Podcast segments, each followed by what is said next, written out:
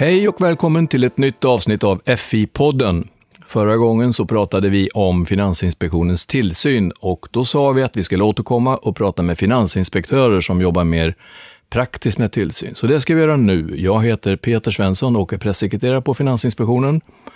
Och tre medarbetare på FI finns med här i studion. Det är Alexi, Hallå Peter! det är Kristel Hej, hej Peter. och det är Per. Hej hej. Ja, ni får presentera er själva. Eh, Vad jobbar ni med? Eh, jag heter Alexia Andersson. Jag är en senior finansinspektör på område försäkring. Ja, jag heter Kristel Brattlöv och jobbar på en avdelning som heter Tillsyn små och medelstora banker som ligger inom område bank och jag är också senior finansinspektör. Jag heter Per Nordqvist och är eh, avdelningschef för marknadsuppförandetillsyn. Det är avdelningen på konsumentskyddsområdet som har eh, ansvaret för all konsumentskyddstillsyn hos bolagen som står under FIs tillsyn.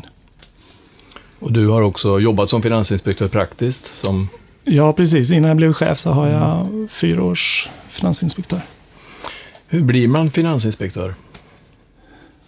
Ja, det finns ingen direkt utbildning för det. Däremot så är det ju väldigt vanligt att man är nationalekonom eller företagsekonom. Utan när man blir anställd på en tillsynsavdelning på Finansinspektionen så är det titeln finansinspektör. Vad har ni för utbildning var och en? Kristel? Ja, jag är ekonom i botten. Samma här, också ekonom i båten. Och jag är nationalekonom.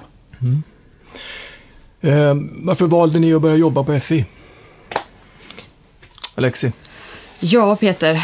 Eh, jag valde att arbeta på FI framförallt på grund av många olika saker, men framförallt för att jag tycker att eh, Finansinspektionen det är den unika arbetsplatsen som man får möjlighet både se en helhetssyn över försäkringsmarknaden i mitt fall, men kombinera det med att ge tillbaka till samhället, engagera sig i, i frågor och bidra till att stärka försäkringsområdet i Sverige. Ja, jag håller med Alexi. Det är, jag, Finansinspektionen har ju verkligen ett unikt uppdrag och eh, för mig så, så var det väldigt lockande att få vara med och, och påverka och faktiskt ha möjlighet och eh, bidra till att det sker förändringar och att marknaden utvecklas. Jag håller helt med om det och det är en väldigt viktig del av det vi gör, är att vi faktiskt gör skillnad. När jag började här också så var det delvis för att jag gillar det här med regleringar och vad är en bra reglering? Hur mycket är bra reglering? Eh, hur mycket ska den privata sektorn regleras av den offentliga? Mm. Vilka egenskaper är bra att ha om man är finansinspektör? Vad säger du Kristel? Eh, ja, det finns många egenskaper som är bra och viktiga, men jag tycker att, eh, att man är nyfiken och viljan att lära nytt är viktig, för att vi jobbar på ett område inom en bransch som utvecklas mycket och är väldigt innovativ, och det kommer också ständigt nya regelverk som vi har att förhålla oss till, så därför är det viktigt med, med nyfikenheten, tycker jag, och viljan att, att ta sig an nya utmaningar. Och sen så skulle jag väl också säga att det är väldigt viktigt att man har någon form av ja, om man ska kalla det för rättspatos, att man gillar regelverk, tycker att det är roligt och att det är viktigt att, att de här reglerna följs. Jag håller helt med Kristel. Jag tycker också det är ett egenskap som är bra att ha, att man är kommunikativ. Både i skrift, eftersom vi skriver väldigt mycket, både rapporter och undersökningar, men även kommunikativ där vi behöver prata på FI-forum. Vi pratar med företag, vi pratar med många olika ex externa intressenter. Eh, vi pratar även med konsumenterna, så att man har en god kommunikativ förmåga är väldigt viktig. Och sen är, är det hos oss väldigt viktigt att man har lite grann som projektledaregenskaper. Eftersom du som finansinspektör är du ansvarig för egentligen vara den sista line utåt. Man ska kunna fråga till experter, man ska fråga, kunna fråga våra juristkollegor. Att man får en helhetssyn och organisationsförmåga för att samla in det här till en helhetspaket. Ja, och den FIAs uppdrag är ju så väldigt brett. Så jag tror att det är viktigt att man uppskattar den här bredden också. Att man är nyfiken och vill lära sig nya saker. För innovationstakten i finansmarknaden är så hög så att det gäller att hänga med och att man tycker det är roligt. Mm. Eh, hur går det till när ni jobbar? Hur är ni organiserade på FI, Per? Ja, det är ju så att vi har ju egentligen fyra sakområden där vi har då marknadsområdet, bankområdet, försäkringsområdet och konsumentskydd. Och alla de områdena är ju organiserade lite olika, men gemensamt är att det finns, dels finns det tillsynsavdelningar på respektive område och så finns det juristavdelningar. Men sen så finns det även specifika avdelningar som jobbar med olika typer av riskfrågor. Och det är inte så att bara för att man jobbar på en tillsynsavdelning att man är ekonom i botten nödvändigtvis, utan på tillsynsavdelningarna så jobbar det även olika typer av experter eller jurister, men som finansinspektörer då. Mm. Hur kan en eh, arbetsdag se ut? Kan man berätta något om en, en dag på jobbet, Alexi? det var inte lätt fråga, Peter. Eh, man kan ju säga så här, det finns ingen standarddag för mig som följer en viss mönster, utan det är snarare så att varje dag är nästan till unik. Eh, jag är exempelvis en tillsynsansvarig för ett stort försäkringsbolag på svenska marknaden, så att jag löpande följer det i form av dialog, bokslutsmöten, rapportgranskningar. Jag jobbar även som en undersökningsledare, det vill säga att jag planerar undersökningar, jag går ut på platsbesök, jag pratar med olika ex externa intressenter. Eh, jag granskar väldigt mycket inrapporterad data, men även så har man rätt mycket dialog med våra utländska kollegor. Vi kan ha gränsöverskridande verksamhet under vår tillsyn, så det är viktigt att vi på daglig, ibland basis har en, en god kontakt. Men även, som precis som Per sa, är man också involverad till exempel i tillståndsärenden om man vill ha en prövningar av styrelseledamöter eller man vill etablera en ny verksamhet på försäkringsmarknaden, är man delaktig.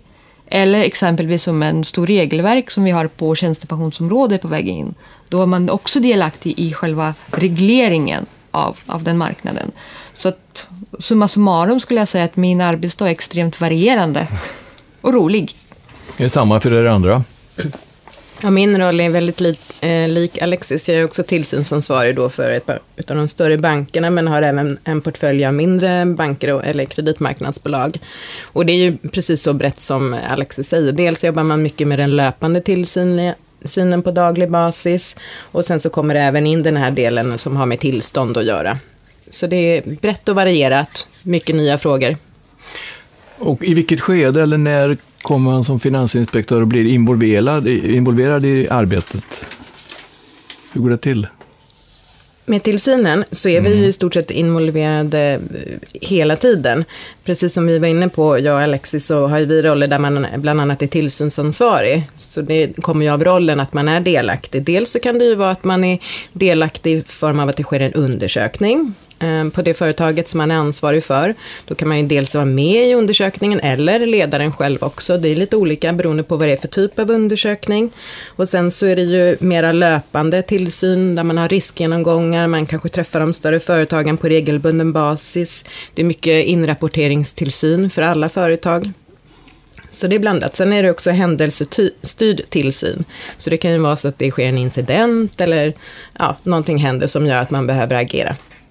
Eh, en viktig del för en finansaktör är också själva riskbedömningen av så att vi vet vart vi ska prioritera våra resurser. För som vi har varit inne på så är det väldigt brett och det är väldigt många olika frågor. Så för att då kunna bedriva en effektiv tillsyn med välriktade undersökningar eller ehm, fördjupade analyser så är det väldigt viktigt att vi har en god riskbild och en god kännedom om de risker som våra företag är utsatta för. Eh, ni pratar om undersökningar. Hur går en undersökning till? Ja, det är ju väldigt olika från fall till fall och det beror ju på vad vi ska titta på egentligen. Det är klart att en, en riskexpert på försäkringsområdet kommer göra en annan typ av undersökning än vad en eh, finansinspektör på marknadsuppförandetillsyn som ska titta på ett litet snabblåneföretag. Men det som är i botten är ju det vi kallar för vår undersökningsprocess.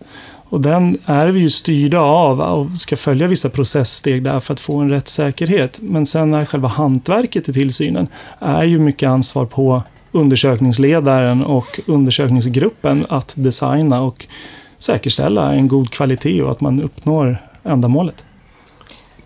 Sen kan man också tillägga till det du säger Per, det är att det finns olika typer av undersökningar. Det finns riktade undersökningar där man, vi går ut och träffar ett specifikt bolag där vi ser att en risk är på väg att aktualiseras eller har aktualiserats. Men sen har vi även undersökningar i form av temaformat där vi gör mer av en större kartläggning i en viss specifik fråga som vi ofta avrapporterar inom tillsynsrapport eller på FI-forum eller på ett eller annat sätt delger marknaden. Men sen finns det ju även temaundersökningar som, som riktar sig till en specifik grupp av segment. Så det finns väl lite olika sätt att bedriva undersökningar på skulle jag säga. Men det som Per säger det är att alla undersökningar följer i grund och botten en och samma process. Just för att säkerställa rättssäkerheten inom FI i sin helhet. Men, men kan undersökningarna se olika ut beroende på vem, vilka individer som jobbar med dem? Eller är det samma, samma stil på dem? Nej, det var precis som det Per var inne på, att, att vi följer ju en, en process där stegen är likadan oavsett undersökning. Men sen är det klart att undersökningar kan se olika ut beroende på vad man har för syfte eller scope med undersökningen och vart man vill komma. Mm. Och det här är ju något som vi lägger väldigt mycket tid på också i början av undersökningen, verkligen för att säkerställa att scopet är korrekt, så att det inte är för brett till exempel, utan att vi faktiskt kan fokusera på de frågorna som är riktigt viktiga för just det vi ska titta på. Mm. I, I förra podden om tillsyn så var det en fråga som blev hängande i luften och det handlar om platsbesök. När, när väljer FI att göra ett platsbesök? Ja, det är ju olika och det beror ju på vad det är för typ av undersökning då, lite som Alexi berättade. Men generellt sett så är det ju så att när vi finner ett behov av att göra ett platsbesök så har vi möjligheten att göra ett platsbesök. Vissa typer av frågor är mer lämpade att göra över skrivbordet så att säga med löpande inrapportering och så.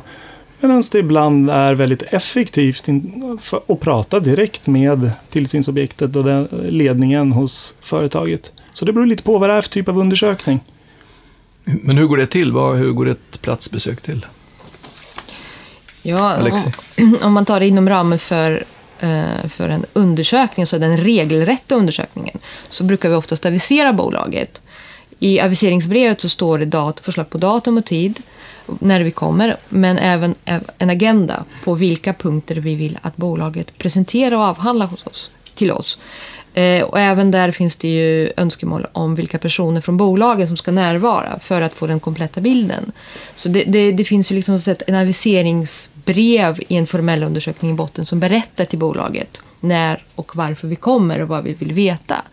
Men sen finns det även platsbesöken som jag och Kristel gör genom den löpande tillsynen. Och det aviseras inte på samma sätt utan vi kommer överens med bolaget att vi kommer dit och vill höra lite mer om bokslutet eller träffa en kontrollfunktion eller läsa en styrelseprotokoll.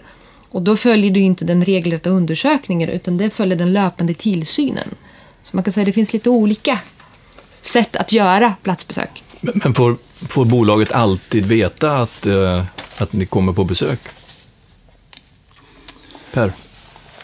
Ja, i stort sett så är det ju så. Och precis som Alexi beskriver så skickas det aviseringsbrev med agenda och så. För oftast är det ju så mycket bättre om alla är förberedda på vad vi ska prata om. Eh, men vi har också möjligheten att göra oannonserade platsbesök och det kan vi ju välja att göra då om det är en allvarlig incident eller om den är väldigt tidskritisk.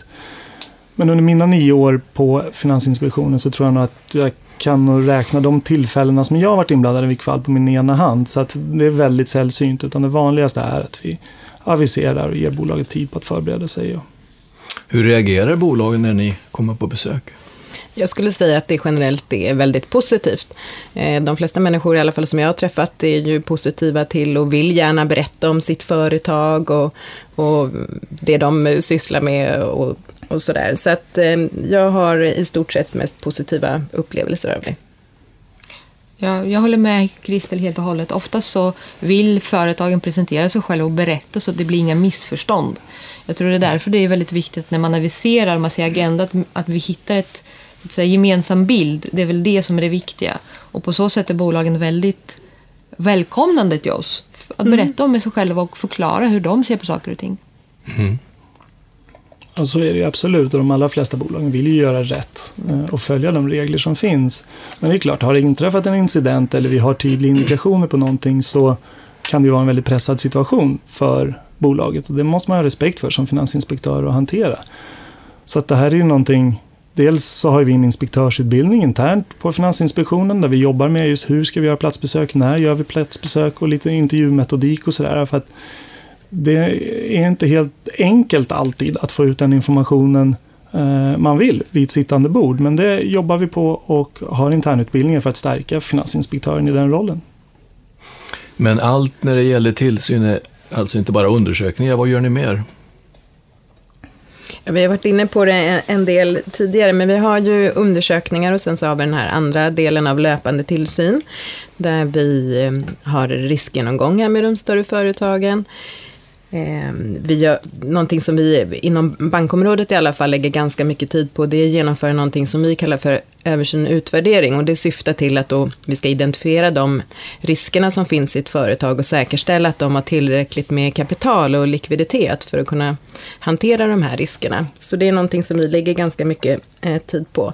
Sen är det förstås inrapporteringstillsyn. Det kan ju vara olika typer av kartläggningar som vi behöver göra och sen så händelsestyrd tillsyn. Och sen lägger vi också ganska mycket tid på, precis som vi var inne på, olika typer av tillståndsärenden. Det är ju så att om tillståndsärenden, om ett bolag söker tillstånd, är ju ett väldigt effektivt sätt för Finansinspektionen att gå igenom verksamheten. Mm. Och de handläggs ju främst på rättsavdelningarna, så där är ju även rättsavdelningarna i högsta grad inblandade i tillsyn. Och det är en form av proaktiv tillsyn som är väldigt effektiv för Finansinspektionen för att påverka branschen eh, i rätt riktning. Ja, jag håller helt med. Att, men vi, vi har också en del... Eh, vi på försäkringsområdet jobbar också väldigt mycket med utländska tillsynsmyndigheter. Och där är det ju viktigt att vi för... Vi har haft ett nytt regelverk infört på försäkringsmarknaden och nu försöker vi hitta en samsyn och harmonisera tillsyn. Så vi har väldigt mycket utbyte, hur andra länder gör, vad kan vi lära oss av varandra. Eh, vi har eh, representanter från andra tillsynsmyndigheter som kommer hit för att ha den dialogen och vi åker till dem också. Så det är en del också av tillsynen men det är en större scope som jag kan ibland sysselsätta mig med en hel del. Mm. Och eh, vad händer om ni skulle upptäcka att någonting inte står rätt till i ett företag som ni undersöker? Ja, då har vi ju flera möjliga vägar att gå. Och det är klart, ser vi att det effektivaste sättet är att bedriva en, en proaktiv tillsyn och en kommunikativ tillsyn på så sätt att vi kan antingen i promemoria eller på ett FI-forum eller så påverka branschen genom att kommunicera.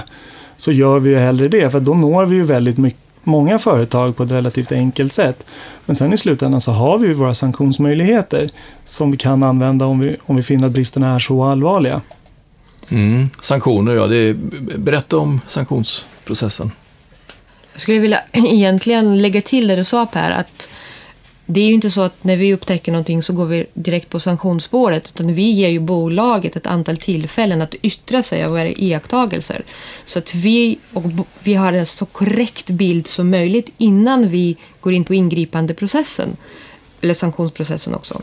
Men sanktionsprocessen och de ingripanden som vi gör, dels ansvarar vår rättsavdelning för, och i, grund, i slutändan så fattas ju beslut av Finansinspektionens styrelse när det gäller en sanktion.